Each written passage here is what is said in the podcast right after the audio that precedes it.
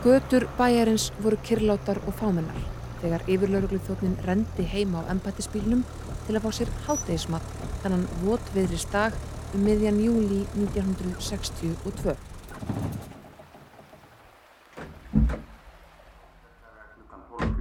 Húsið var sumulegist þögult og friðsælt aðeins útvarpið malaði inn í eldúsi. Að sjálfsögðu beigðast þar ísuflagg og kartöblur í potti. Yfirlauruglu þjóttnin var að nálgast 50, hávaksinn og kraftalegur. Hann hafði verið efnilegur íþróttamaður á yngri árum, áður hann réð sig hjá lögreglu bæjarins tveimur árum eftir lok heimstyrjaldar. Einstinni langaði hann þá alltaf að verða bóndi, miklu frekar en að vera mannlegur stuðpúði á milli annarsvegar drukkina íslenskra stráklinga í leitað viðurkenningu og vandraðum og hins vegar drukkina bandarískra hermana í leitað kvennfólki og klandri. Klukkan sló tólf á hádegi.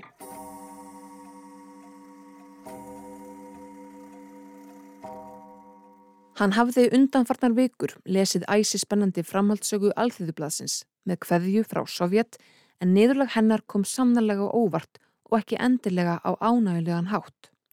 Ef skilja mátti sögulögin rétt hafði útsendari sovjesku leinithjónustunar dvergvaksið ílkvendi stungið aðalpersonuna með nýf sem búið var að dýfa í eitur.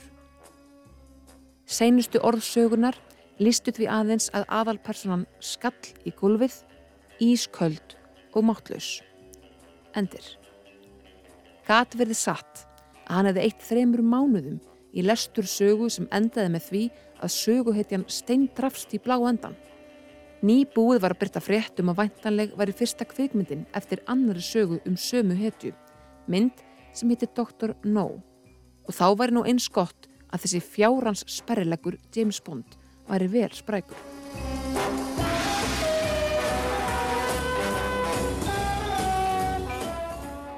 Síminn ringdi þungbúin í forstofunni. Sum símtöl eru þannig að fólk óskar þess eftir á að hafa ekki svarað og þetta var sannarlega eitt þeirra. Af hverju í ósköpunum var hann ekki í miðjum heiskap í húnavarsíslu í stað þess að móka flórin í þessu sérkennilega og klopna bæjarfélagi söður með sjó.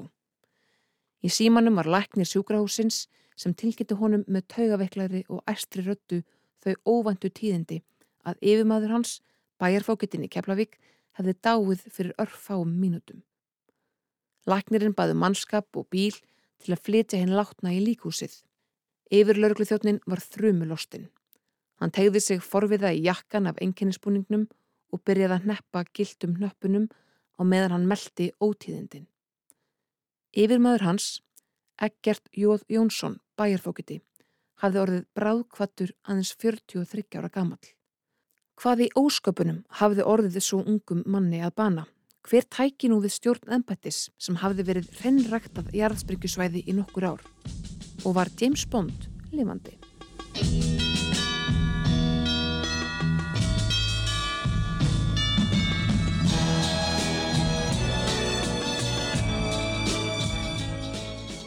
Við byrjum þannan þátt í nútímanum, nánartildekið tveimur dögum fyrir nýliðin áramót. Þá hafðu þættirnir Joe Grímsson, Saga af Sveikum, vakið mikla aðtegli og umræðu og margir hafði haft samband við okkur í framhaldinu. Þannan dag fekk höfundur handritsins Sindri Freysson símtal frá lauruglumanni og fyrrum skólafélaga sem hafði magnaða og nær ótrúlega sögu að segja. Sögu um leindardómsfullt döðsfall afasins og nafna Eggerts Jóð Jónssonar. Ég held ég hef ekki verið um títu þegar, þegar ég frétti það örglega í gegnum mömmu mína að, að, andlátt af að hafi mögulega borðið að með einhvers konar og veðlegum hætti. Þessa sögu var það rannsaka betur í vonum að varpa ljósi á óvænt og grunnsamlegt andlátt Eggerts Jóð Jónssonar bæjarfókita í Keflavík í byrjun 7. áratögarins og einnig á þær afdreifaríku afleiðingar sem döðsfallið hafði fyrir nánustu fjölskyttu hans. Var ekkert myrtur og þá af hverju? Hver eða hverjir stóðu þar að baki og hver hagnaðist á döða hans?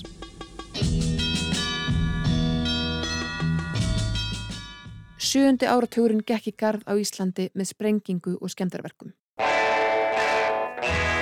Afmegju stitta í tjörninni í Reykjavík var sprengt í loft upp í nafni Góðs Smeks Á þriðja hundra manns, þrammaði í súldar veðri frá Keflavík í fyrsta skipti til að mótmæla herstöðinni. Rússar skutu niður njósnaflugvilina U-2 og Kennedy var kosin bandrækjaforseti.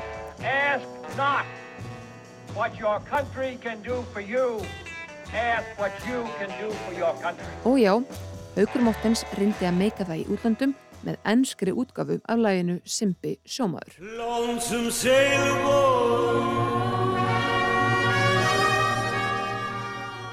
Stuttu áður, fyrir hluta árs 1958 vann sjálfstæðisflokkurinn reynan meiri hluta í bæjarstjórnarkostningum í Keflavík. Nýja bæjarstjórnin undir fórustu Alfreðs Gíslasonar reið ungan lögfræðing af norrlenskum ættum sem bæjarstjóra í kjölfarið. Hann hétt Eggert Jóhann Jónsson og flutti á samt eiginkonu sinni Sigriði Tegutúru Árnadóttur til bæjarins á samt þreymur börnum þeirra. Dætur hans, Jónina og Margret lýsa Eggerti sem elskulegum fjölskylduföður og góðum pappa. Manni sem veitti fjölskyldu sinni skilirðislausan kærleika og stuðning. Hann var gladbeittur, uh, eh, gæti verið gamansamur og gerð grínað okkur og strikt okkur en líka það hlýr já, tók mikið þátt í fjölskyldulífinu. Eh, Föðursýsti mér segir að hann hafi aldrei verið komin dýr og þegar hann komur með eitthvað okkar á handlegin eða halpa til við þetta hitt, sko, þannig að hann var á undan sinni samtíð sem, sem heimilisfæður. Við komuna þekkti ekkert kvorki til staðháta í Keflavík nýtt til þeirra manna sem það réður ríkum, en þótti fljótur að átta sig á málatum bæjarfélagsins og kynast aðstæðum. Og það fór strax príðilega um ekkert í bæjarstjórastólunum eins og eitt starfsmæður hans á þeim tíma segir okkur. Þegar ekkert var að taka við starfinu, hálf hviðu við því, starfsfólkið á skrifstofu Keflaugubæjar, að fá nú húsbonda sem við þekktum ekkert. Sákviði reyndist með öllu ástæðalus. Ekkert vansirinn vinsamt allra sem hann kynntust, lettur í lund og hrókur allsfagnaður í hópi vinnákunningja heima á heimann. Hann var líka greiðvikinn með afbröðum og vildi leysa vanda hversmanns sem á til hans leitaði. Ekkert var þó tæplega 39 ára mentaður lögfræðingur, annar tveggja svona Jóninu Ólafsdóttur og Jóns Pálmarssonar frá Agri, þingmanns sjálfstæðisflokksins í aldar fjörðung og fyrrum landbúnaðar á þeirra. Jón frá Agri skrifaði eitt sinn seni sínum bref þar sem segir meðal annars. En svo komið er í okkar pólitík þá er óreiðan og spillingin miklu meira en flesta grunnar. Sjálfur er ég meira innmanna í skoðunum með þingmanna en ætla mættu og flestir halda. Þó ég hafi enn ekki fara út í neinn harðræði. Mér kemur því ekki neitt undarlega fyrir sjónir að ungi menn og gáðar eins og þú líti ekki bjart á framtíðina. Jón bætti því við að það væri jafnvel óráðlegt fyrir að gert að láta skoðunni sínar mikið í ljós við tilteknar aðstæður. Það eru vafa mál sem þú skalt aðtuga mjög vel því það er engin ástæða til að leggja sig mjög í hættu að þarlösu ef ekkert gagnir af. Þú átt alla framtíðina fyrir þér á þessu sviði og átt mikið í hættu ef þú lendir í einhverju þvargi eða uppistandi sem ekkert gagnir af en mikið ógagn getur hlotist af.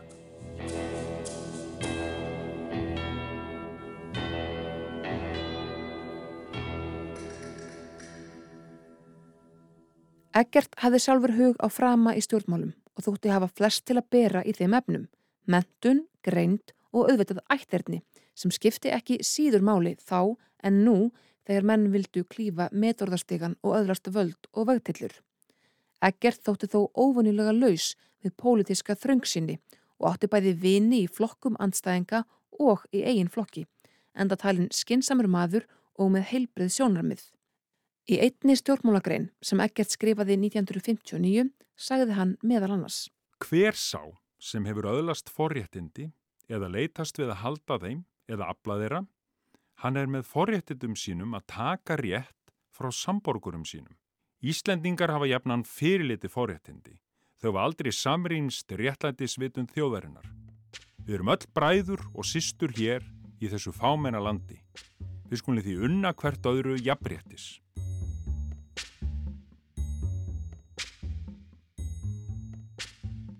Á þessum tíma hafiði Alfred Gíslason verið bæjarfókiti í Keflavík í áratug og þar áður lauruglustjóri.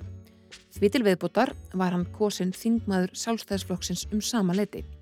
Keflavík ógs rætt frá því að hún fekk kaupstæðaréttindi og á aðeins tíu árum riflega tvöfaldæðist íbúafjöldin.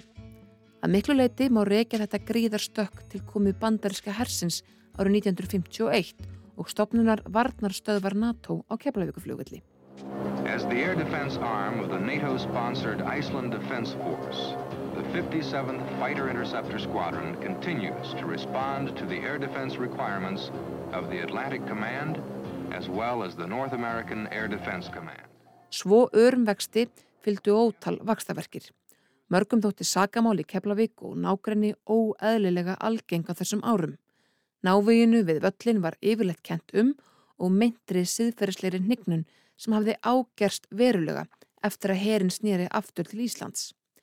Árni Daniel Júliusson, sagfræðingur, segir að þessi varhugaverða þróun hafi gerst hratt.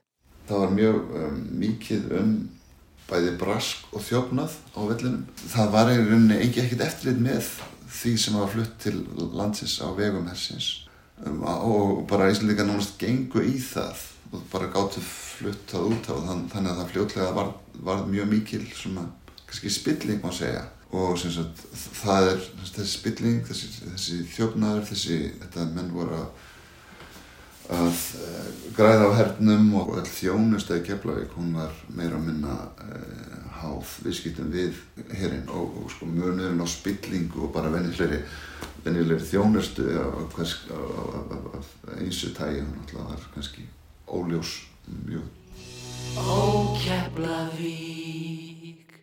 Um 9.000 manns byggu á öllum söðurnesum í kringum 1960 þar af um 6.000 á Keflavíkur sveiðinu Aug þeirra voru bandarískir hermenn, starfsmenn þeirra og fjölskyldur á vellinum á melli 5-6 þúsund talsins þeirra mest létt. Þarna voru því í miklu nábili tveir tengdir en aðskildir heimar, ekki ósvipaðir að stærð þar sem riktu ólík hagkerfi, mismunandi gældmiðlar og aðgangur að mismunandi vörum, þjónustu og aftreyingu. Einungis ótröstveikjandi výrgirðing skildi á milli þessara heima á tímum hafta á Íslandi, lélegs frambóðs á mörgum sviðum, banna á ákveðnum vöruflokkum og sífældra gengisfellinga var handan gyrringarinnar allt annað upp á teiningnum. Kanski ekki sérstaklega fallegt um horfs en samt gósenland. Afbrót sem teindust vellinum voru af öllum stærðum og gerðum. Allt frá smikli á einum bjórkassa í gegnum varðliðin til fluttninga á heilu vörubíla hlössum af illa fengnu gossi ótolluðu eða ránglega tolluðu. Jónas R. Jónsson sem söng með einni vinsælustu hljómsvitt landsins á þeim árum, Flowers, og spilaði margóft á vellinum, segir að einn af róturum þeirra hafi litist ákafla vel á stólana í einum klubnum og gerst nokkuð stórtækur. Mm, við vorum að spýra öðru kóru og uh, vorum í misjöfnum klubum, tveimur, þremur klubum og uh, það má einhvern veginn vel við hjá einum rótarunum að kippa með einum og einum stól Nei, ég held að það hafi sko, látið ímsa bara uh, njóta góðs að því. Þetta hafi ekki, ekki verið í, í, eigin hagsmuna hérna sem ég held ég. Að bara gefið þetta. Þetta hafi fyrst og fremst verið það að þetta bara lág svo vel við og kippa þessu. Ég held svona bara að gefa skýt í þær reglur sem að, að voru gildandi. Stíf og stund og þver Stundum þú gengur fram að mér. Stundum eftir ferleg bæði frek og gröð Finnst mér stundum að þú sér Eitt lágarði gjör Aðrir hlunn fóru herin með floknari og útsmognari aðferðum eins og til dæmis aðtapnamadurinn Jósafat Argrímsson sem stundaði á þessum árum umfangsmikla sveikastarsumi utan gerðingar sem innan og tapnaði vel. Rittstjóri vikutíðinda skóf ekki utan af þeirri skoðun sinni að mikið vantaði upp á lögliðinni keflavikinga almennt. Svo mikil hafa á undanförtum árum verið lögbrót keflavikinga að óvíða hér á landi munu þau vera meiri. Þarna, í næsta nákrenni keflauguflúvallar, hefur sennilega þróast meiri spilling en dæmiru til á Íslandi. Meiri hluti allra bæjabúa hefur um langt skeið lifað meira eða minna á allskins lögbrótum í viðskiptu við varnaliðið, til dæmis vörukaupum og smigli að vellinum á samt því að leia útlendingum fyrir gjalderi. Hér er ástæða til að geta þess að valdsvið bæjarfókita og síslumanna utan Reykjavíkur var heil mikið á þessu tímabili, áður en framkvæmda vald og domsvald var aðskilið. Aug hefðbundina verkefna síslumanna, innhendur skatta og gjalda, tollgæslu og slíks, fóru þeir allt fram á tíunda áratug síðustu aldar með lauruglustjórn og dómsvald í sínum umdæmum. Þetta þýtti í raun að bæjarfókutar og síslumenn rannsökuðu bæði sagamólinn sem uppkomu í umdæmi þeirra og ákerðu og dæmdu í þeim á lagra domstigi. Að einhverju leiti má líka þessu fyrirkomulagi við að kúreki komi ríðandin í smábæ í viltavestrinu er þar handtekinn af lauruglustjórnum sem rannsakar brotið og ákærir og þegar kúrikin er leittur inn í réttasalinn mætir hann þar lauruglustjórunum í dómaraskekkju. Kúrikin er auðvitað ragleðis sendur í gálgan og eflaust er bróðir lauruglustjórans í smábænum spilta allt í senn prestur, útfarastjóri og eigandi kráarinnar þar sem erfiðirkjan fer fram líka en það er svo önnur saga.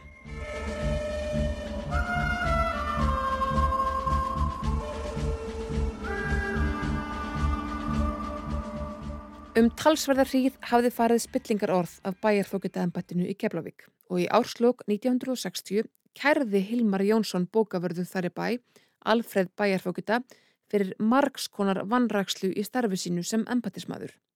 Undirleikandi var svo aðdráttun að hann var að hyggla ákveðnum mönnum, vinum og félögum í pólitík og viðskiptum. Þar sem samtrykkingin ríkir ómenguð þrýfst spillingin auðvitað best. Hilmar Bókavörður, sem var mikill bindindis frömuður og um margt litríkur personleiki, var að vitaskuld sérstaklega ósattur við að brotum á áfengis og umferðarlögum hefði verið stungið undir stól. Fleiri mál voru þó tiltekin og mun alvarlegri, svo sem að látið hefði verið ótalið að laurugluþjónum sem voru að klást við drukna menna á stólnum bifröðum hefði verið sínt banatilræði. Það er, reynd hefði verið að aka þá niður. Dagblæðið þjóðvelin, sem var á öndverðum meiði við alfreði stjórnmálum, sagði mikinn misbrest á að brotamál í Keflavík veru lit til lykta með lögbundnum hætti. Alls munu lögbrotamáli Keflavík vera hátt í þúsund og síðasta ári og á nýjunda hundrað fyrstu þrjá fjörðunga þessa árs. Margir eru þeirra skoðunar að meira séum þjófnaði, innbrot, ölfun og óknitti unglinga í Keflavík en í öðrum bæjum með svipaða í bótölu og hefur þá kert um þverbaki höst þegar hvert þjófnaðamálið hefur rekið annað. Blaðið fullirti að frá því að Alfred varð yfirmaður löggæslumála í Keflavík tveimur áratugum fyrr hefði aðeins lítið brot af þeim refsimálum sem til hans kasta komu fengið löglega afgreðslu. Verðist þarnum einstakt réttafast nexli að ræða. Ímsir aðrir fjölmilar huggu í sama knérun. Síðustu fjögur árin má heita viðburður ef bæjarfókittin sinnir þessum kærum og á árinu 1960 munu innan við 20 af rösklega þúsund kærum hafa fengið afgreyslu. Bjarni Benediktsson, þáverandi dómsmálaráðura, brást skjótt við og fól empatismanni í ráðunetinu að rannsaka kæruefni bókavarðarins. Ekki var reikna með að rannsóknin myndi taka lengra en viku tíma. Aðtegli vakti þó og óánægjum margra að Alfred þurfti ekki að víkja úr starfi á meðan rannsóknin fór fram. Allmargir komu Alfred til varnar á þessu tímabili. Svo kallaðir málsmetandi borgarar í Keflavík samanniðist um að skrifa stuðningsgrein í blöðin. Þar á meðal ekkert og ymsir röktu málið til pólitískra ofsokna á hendur Alfred en það Hilmar kunnur krati. Þá er enn til undirskriftalista þær í bæ Alfred til stuðnings. Helgi S. Jónsson heilbreyðis fulltrúi og síðar slökkviliðstjóri Keflavík sem kunnastur er fyrir að hafa verið fórustumadur í flokki íslenskra nazista á fjórða áratug seinustu aldar, skrifaði harðirta varnargrein í morgunblæðið. Kærandanum og skuggasveinum hans þótti mikið likja við að höfka skarði í vinsaldir Alfreds Gíslassonar. Það var ekki tilgangu kæruliða að lagfæra það sem aflaga færi í embættisfæslu bæjafókita. Heldur að valda honum pólitískum nekki. Vonandi er lítið um manntegund Hilmas Jónssonar í öðrum en bættisýruðum. En áfram sýrti þó í álinn fyrir Alfreð.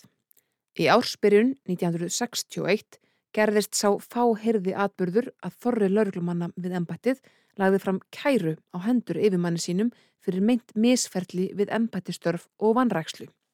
Alþýðublaðið sagði svo frá.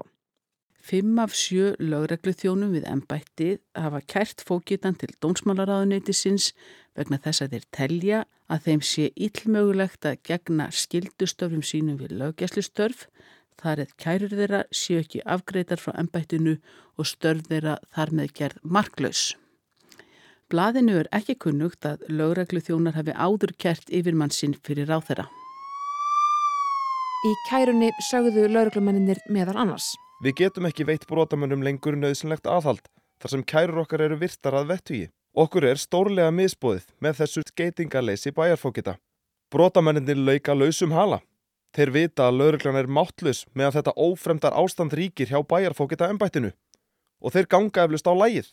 Í kærunni var farið fram á dómsrannsókn og þess líka krafist að Alfreð og fulltrúa hans yrði vikið frá störfum meðan á rannsókn málsins stæði. Dómsmálaráðundið hunsaði báðar kröfunar en let þessi stað fyrir nefndan embætismann rannsaka málið óofinberlega. Fyrir vikið fengu lauruglumennirnir aldrei að mæta fyrir rétt til að fylgja kærunni eftir eins og þeir vildu helst gera til að gera betur grein fyrir langvarandi vannrækslu og slóðaskap fókitans eins og það var orðað.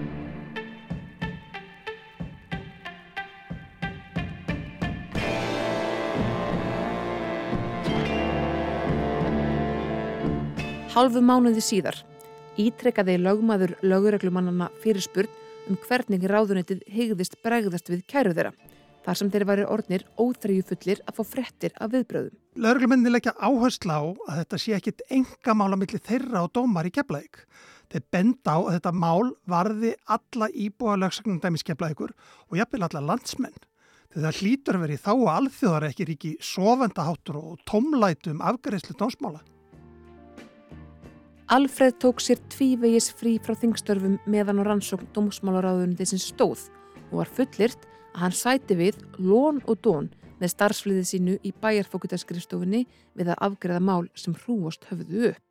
Um samaleiti brá svo við að Alfreð Gíslason, bæjarfókiti, ritaði alþingi bref og baðst leifis frá þingsetum sinn vegna embættis Anna. Hann hjælt síðan heim og hefur ásamt fulltrúa sínum og öðru starfsliði setið langa daga við réttarhöld og dóma. Grafið úr gömlum haug mál er þar hafðu sapnast fyrir og hveður nú upp dóma sem óðast. Allmargir dómar í tveggja eða þryggja ára gömlum kærumálum hafa verið hveðnir upp í Keflavík undafarið. Nú er verið að hreinsa til og koma formlegri afgreðslu á þau kærumál sem sapnast höfðu í sirpu og kært var út af til dómsmálaráðara. Meðal annars sendi Alfreð tvo laurugluþjóna til mannsins sem hafði kertan fyrst, Hilmars bókavarðar, með fyrirskipunum handtöku hans og að hann erði fluttur til Reykjavíkur í fangavist. Var ástæðan svo að Hilmar hafði ekki greitt sagt sem dæmt hafði verið á hann tveimur árum fyrr eftir að hann tapaði meðirðamáli sem lauruglustjórun á Keflavíkufljóðvilli höfðaði vegna blaðaskrifa Hilmars um smikl og önnur afbrótt á vellinum. Hilmar greitti lauruglumönnunum dómsektina á staðunum og losnaði því nömlega við handtöku.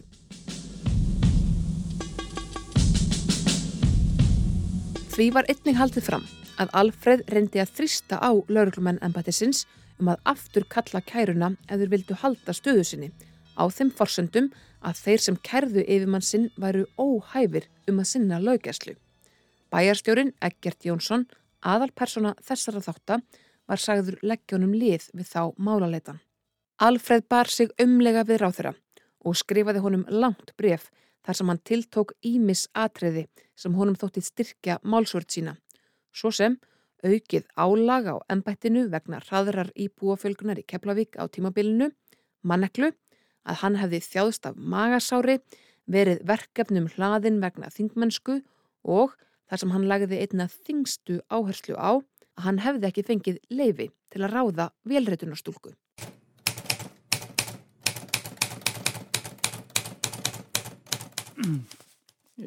Við fulltrúi minn önnuðust alla velreitum fyrir ennbætti þessi árin og var það mikið verk og tímafrækt.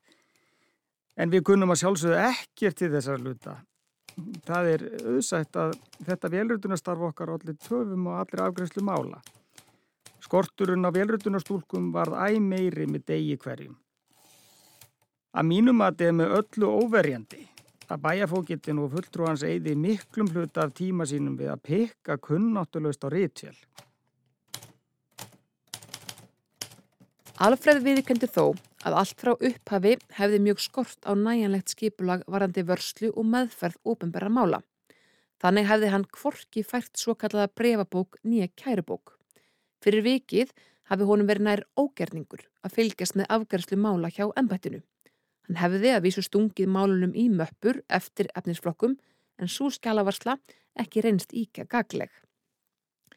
Alfred neytið því einnig að ástæður þess að ofinbjörn mál hefðu fengið ófullnæjandi eða alls enga afgreðslu árunu undan ættu rætur að rekja til klíkuskapar. Ástæðunar eru ekki, nýja hafa nokkru sinni verið að ég hafi viljandi eða vísvitandi verið að halda hlífiskildi viðkomandi aðila. Menn þeir sem hafa átt sög og sloppi við réttmæta refsingu vegna feyrningar sakir eru mér flestir ókunnýr og ég veit engin deil á þeim en eh, suma þekk ég að vísa orðspóri.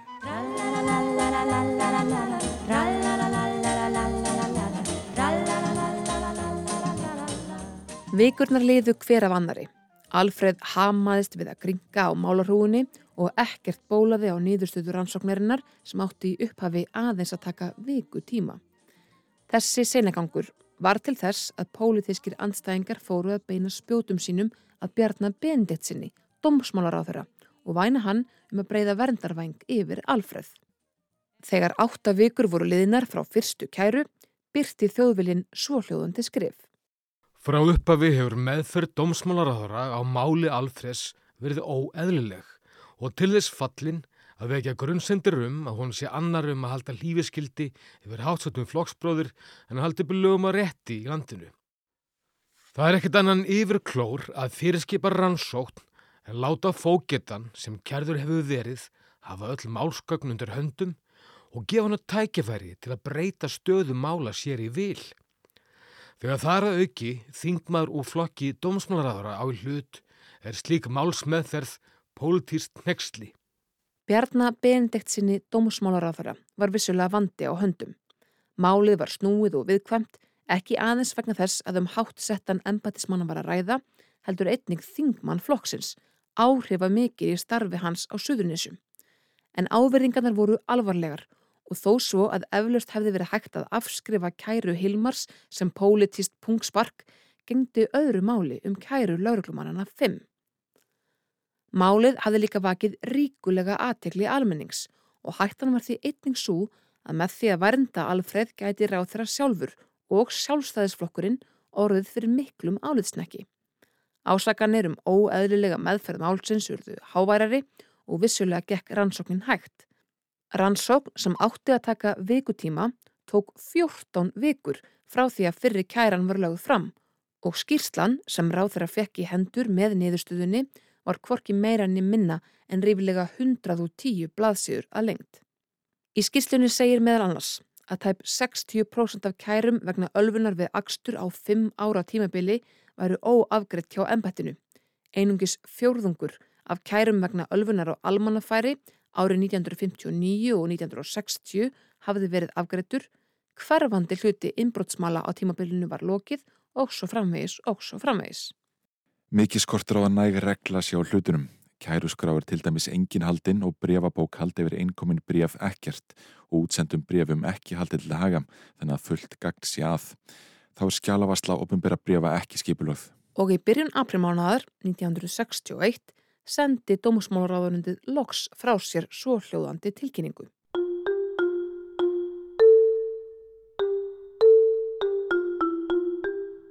Alfred Gíslason, bæjarfókiti í Keflavík, hefur beðist lausnar frá embætti frá og með 1. júli næstkomandi.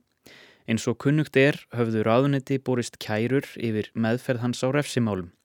Athugun hefur þess vegna farið fram á embættis rekstri hans og hefur meðferð refsimála reynst áfátt að því leiti að mörgum þeirra hefur ekki verið synd og meðferð annara dreyist lengur en skildi.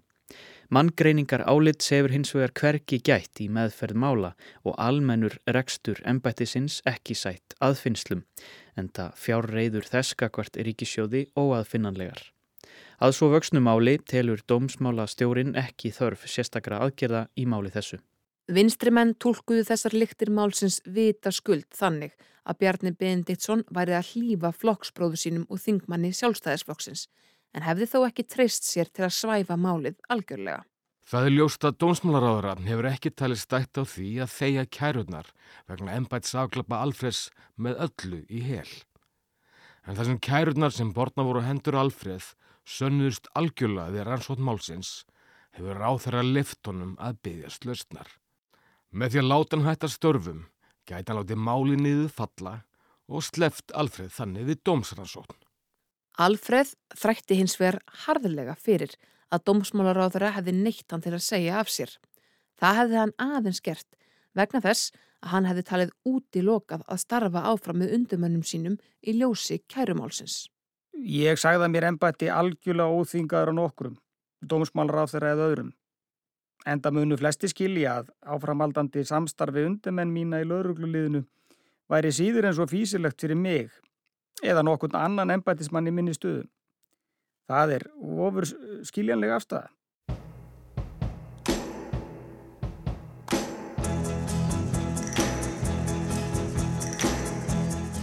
Jón Eistinsson sem starfaði hjá embætti bæjarfókita í Keflavíkum áratuga skeið meðal annars sem fulltrúi Alfreðs segir að öfugt við skoðanir margra hafi hann alls ekki talið Alfreð vera harfskettan hann leit út fyrir að vera það og kannski var framkóðans þannig gagvart öðrum en ekki gagvart þeim sem voru nánir hann í starfi. Það var mjög góður maður og, og gott að vinna hjá hann, mjög góður yfir maður. En hann, hann var náttúrulega pólitíkus. Ljóst var talið að það þyrti kraftmikinn og drífandi mann til að reynsa til í bæjarfóketa ennbættunum og reka af því sliðuru orðið. Ekki var leitað langt yfir skamt. Tveir menn sóttu um ennbætti bæjarfókita og var bæjarstjórun Eggert Jóð Jónsson annar þeirra. Sagt er að það sé löngu ráðið bak við tjöldin að bæjarstjórin og hinn fyrirhandi bæjarfókiti í Keflavík hafi ennbættis skipti.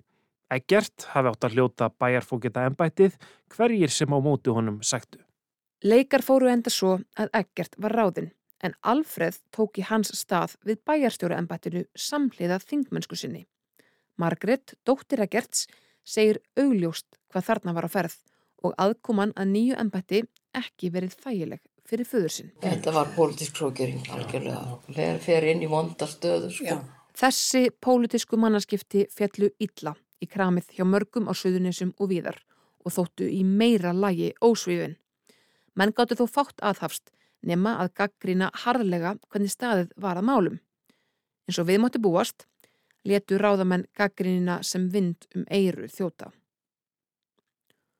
Dómusmálaráðura skipaði Eggert í starf bæjarfókita 1. júli 1961. Hann tók strax til óspildra málana, bæði við að leta á málaskrá ennbættisins og að reyna að lægjað öldurnar þar innan hús. Það síðan nefnda reyndist engin hæðarleikur og fljótlega hættustörfum þrýr þeirra fimm lauruglumanna sem kert höfðu Alfreð. Þá var að gert ný tekin til starfa þegar Sigtryggur Árnason, yfir laurugluþjótt embættisins, var kærður fyrir viðskipti með gamlan herbrakka í frítíma sínum. Þess má geta að Alfreð, nú orðin bæjarstjóri, var afskaplega uppsigað við þannan fyrrum undirmannsinn. Hann var sannferður um að Sigtryggur stæði að baki kæru Hilmars bókavarðar og gekk svo langt að fullir það ofnberlega að dýr fangaklefa byðu yfir lauruglu þjónsins opnar í halva gátt.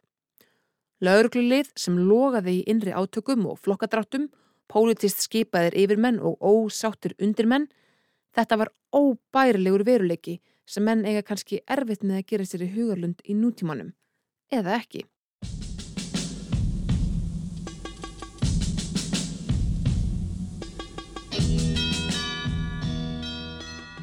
Í heilsiðu grein í morgumblæðinu fór Alfreð mikinn og augljóst að hann var æfur af reyði yfir kærumálunum og að hafa þurft að víkja úr embætti. Hann sakaði þá Hilmar og Sigtryggum illt innrætti og mannvöldsku, kallaði skrif Hilmars Brjálaðis rugg. Fullirti að hann væri Vægast sagt ekki eins og fólk er flest. Og hótaði Hilmar því að lókum að Rækilegri teki í lurgin honum.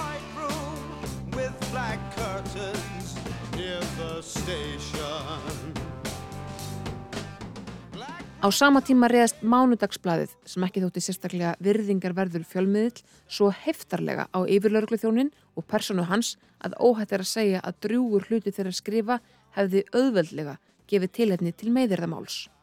Hvort að þau skrif hafi verið runnin undan revjum Alfreds er ómögulegt að segja, en tæplega voru þau honum á móti skapi meðað við hatrömm og hamslaus skrif hans um sama mann. Aðrir komu sigtryggi til varnar. Menn hafa valla heyrt öllu þurðulegra en að afsettur bæjarfókiti leggi allt sitt kapp á að sanna að lörgljótt sem hann reyði til sín og gerði síðan að yfirlörgljóni og hefur verið starfi í 14 ár sé ekkert annað en ótindu glæpamaður. You said no strings could secure you at the station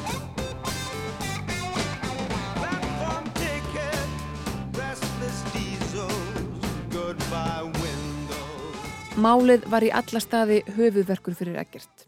Þeir sigtryggur höfðu ekki óáþekkan bakgrunn, aðeins fjögura ára aldursmunur var á þeim og nánast sveitungar. Báðir fættir og uppaldir í húnavarsíslu og tengdust vitt og breytt. Sigtryggur naut einnig stuðnings þorra annara laurugluþjóna hjá ennbættinu. Á mótu kom að afstafa Alfreds var að samaskapi skýr og útilokað að virða hann að vettugi. Og meint brot varð að rannsaka hvað sem tautaði og raulaði. Eftir að Eggert hafði rannsakað braggamál yfir lauruglu þjónsins í Keflavík sendi hann það til ríkisaksóknari til frekari úrvennslu. Saksóknari feldi málið hins vegar nýður og taldi ekki frekari aðgerða þörf. Eggert gæti anda letar.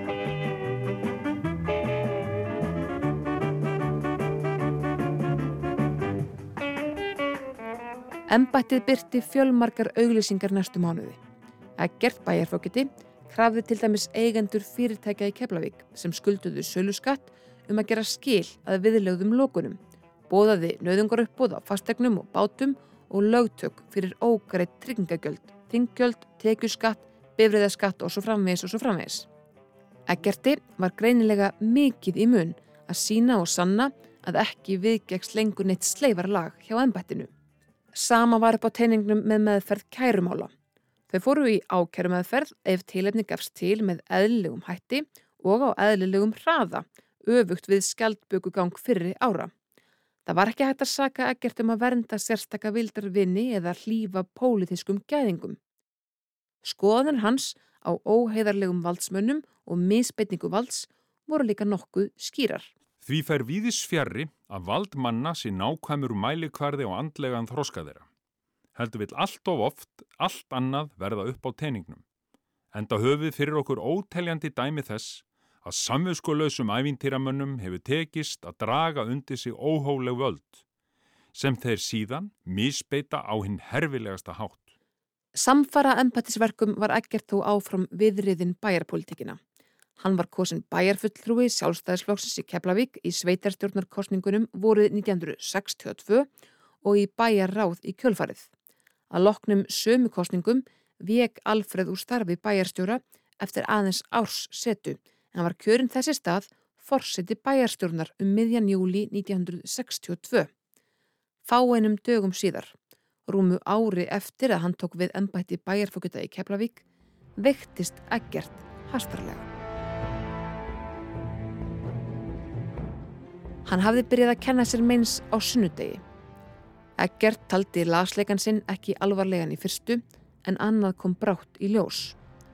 Heilsu hans rakaði hratt næstu sólurhinga og hann þjáðist af yðrakveisu og hita í 2-3 daga. Jón K. Jóhansson, sjúkurhásleiknir í Keflavík, var þá kvattur til hans en gati ekki greint orsök veikindana og taldi ekki ástæðu til að leggja hann inn á sjúkurhás aðsvo stöttu. Eldri dóttir að Gerts, Jónína, hafði haldið upp á 16 ára afmæli sitt nokkrum dögum áður. Hann var búin að vera lasinn í einhverja daga Maður held þetta væri bara einhver magapest sem hann hefði fengið. Ég vissi ekki öðruvísi sko. Svo ég var þá bara að batfóstra að passa tvo ameríska drengi og, og var þá náttúrulega bara á heimilinu með þá af því að þeir bygguð þarna niðri. Þennan dag þá hóar pappi í mig og beðið mig að fara niður í, nonnaböpa og, og kaupa fyrir sér sótavatn. Þetta er ekki langt að fara frá sóltúni og niður í hotnin á ringbröð og tjarnagötu og fór þar og kipti sótavatn og kom svo tilbaka og, og þá er hann allur. Skömmu fyrir hátegi 18. júli heyrðir Sigriður eiginkona Eggerts skindilegan ding innan úr baðherbyrgi heimilisins og hljópt til að aðtuga hverju sætti. Þegar hún gekkinn lág Eggert á gólfinu og virtist vera í andar slitrunum. Hún ringdi tafalust á Jón Lækni sem hraðiði sér af stað og var komin heim til þeirra í sóltúnið örfáum mínundum síðar. Þegar hann mætti á svæðið fannst ekkert lífsmark með ekkerti.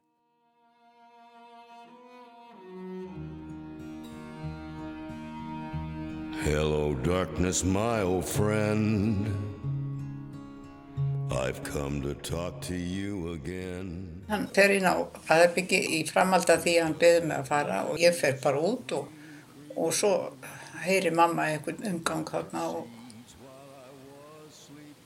hún ringdi strax í, í læknin hann, Jón Jóhansson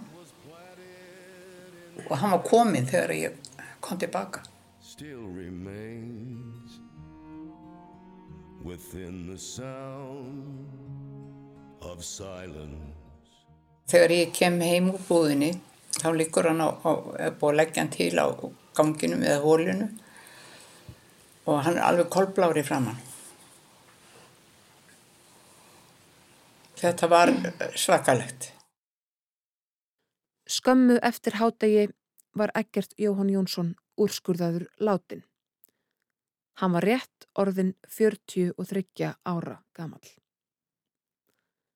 Í dagbók lauruglunar í Keflavík þennan dag segir í ferslu með yfirskriftinni Eggert Jónsson bæjarfókuti í Keflavík látin. Klukkan 12 ringdi Jón Jóhansson sjúkrahúslæknir heim til yfir lauruglu þjóns til að tilkynna að bæjarfókitin Eggert Jónsson hefði orðið bráðkvattur þá fyrir stundu. Jón baðum sjúkrabíl og mannskap til að færa líkið í líkhús sjúkrahúsins. Yfir lauruglu þjótt fór og fekk með sér lauruglumenn nr. 5 og 6 og framkvæmdi beðinni Jóns læknis. Klukkan 17.20 ringdi Baldur Möller ráðuneytistjóri og baðum að lögreglan myndi sækja úr áallunarbíl sem færi frá Reykjavík klukkan 1900, blóm sem Bjarni Benediktsson dómsmálar á þeirra sendi og kæmi þeim til ekku Eggerts Jónssonar sáluga. Klukkan 19.35 kom Ósvald Eyvindsson útfarastjóri og sótti lík Eggerts Jónssonar bæjarfókita.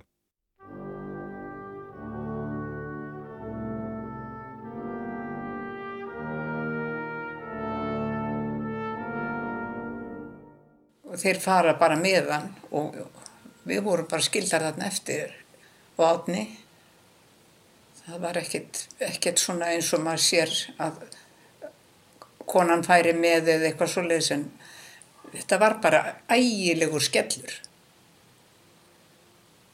bara mann í raunin trúði ekki að þetta geti verið að gerast eða hefði gerst Í einni af minningargreinunum sem byrtist um ekkert segir meðal annars. Þegar fregnin um þið sviplega fráfall Eggerts heitins barst um Keflavík síðdegis miðugudaginn 18. júli urðu vinir hans og kunningjar harmisleiknir. Þeir gáttu vart trúað að fregnin væri rétt, svo óvænt var hún. Síðdeis, lögadaginn 14. júli, satt hann á samt öðrum nýkjörnum bæjarfulltrúum fyrsta bæjarstjórnafundin á þessu kjörtímabili og virtist hann þá ekki kenna sér neins, var glaður og hressað vanda. Tæpum fjórum dögum síðar var hann látin. Jón sjúkurhásleknir fór fram á réttarkrupningu og ennbætti bæjarfókita í Keflavík sendið slíka beðni til rannsóknastofu háskólans í meinafræði. Líka Gerts var flutt til Reykjavíkur. Níjels Pétungal, Laknir og forstuðumadur rannsóknstofunar krufði ekkert strax dægin eftir andlátið. Áratugir liðu áður en fjölskylda ekkerts sá kröpningarskíslu nýjelsar. Það gerðist raunar ekki fyrir en dóttursonur hans og nafni, Ekkert Magnússon, lauruglumæður hjá ennbætti ríkislauruglustjóra, ákvað að reyna að komast til bots í andlátinu. Ekkert hóf leit sem leitti hann eftir nokkur aðdraganda í þjóðskjálasafn Íslands. Skjálabunkarnir, sem hann fóri gegnum, reyndist þó geima mun fátaklegri heimildir um atbyrðuna örlagaríku en hann hafði vonast eftir. Ég, ég held ég að við örgulega svona farið eitthvað um viðvöld bara til þess að kanna hvar mögulega þess einhver svona rannsókn eitthvað glörglu frá þessum tíma var niður komin. Ég bjóst allan að við að finna sko einhverja lögurskíslur og jú, krupningaskíslu, mögulega dagbúkafærslu lögurlu eitthvað svo leiðis. Það, jú, einhverja dagbúkafærslur um andlátið eru til staðar en ekkert svona sem að með minni sem tengist því nákvæmlega að málið sé eitthvað rannsakað og ég held að að samkvæmt öllum með reglum að þá eiga svona gögn að vera komin þangað og, og, sérst, og, og ég raun og veru aðalgagnið sem að í þessu máli svona upplýf ég er þessi krupningaskísla sko. Ekkert trúði vart eigin augum þegar hann fekk í hendur krupningarskísluna sem Níels Dungal hafði skrifað áratugum fyrr. Það kemur ekki óvart því að skýrslan reyndist innihaldar óvendar og sláandi upplýsingar sem komu miklu róti á huga fjölskyldumæðluma þegar þeir tóku að rína í hana. Það er eiginlega ekki takt að lýsa því, mann er verulega illa við. Já.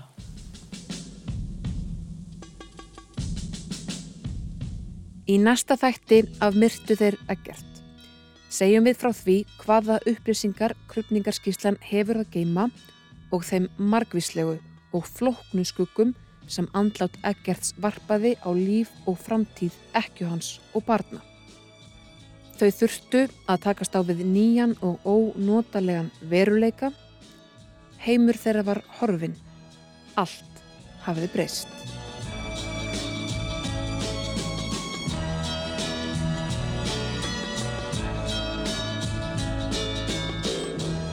Þetta var fyrri þáttur um andlát Eggertsjóð Jónssonar bæjarfókita. Handreit Sindri Freysson. Dagskrárgerð Snæró Sindradóttir. Lestur Halla Harðardóttir, Þorgir Ólafsson, Grímur Allarsson, Bergsteit Sigursson, Sindri Freysson, Stefán Eiríksson, Þorstin Hregviðsson, Þorgerður E. Sigurðardóttir, Bjarni Rúnarsson, Árni Mattíasson, Kristján Guðjónsson, Einar Lógi Vignisson, Yngvar Þór Björnsson, Jóhannes Ólafsson og Anna Kristín Jónsdóttir. Þakkir fá fjölskylda Eggerts og starfsfólk sapnadeildar Rúf fyrir ómælda aðstóð. Einnig Þjóðskjálasafn Íslands fyrir veitta aðstóð, sérstaklega Benedikt Eithorsson, fagstjóri upplýsingaþjónustu. Reitstjóri hlaðvarpa Rúf er Anna Marsibil Klásen.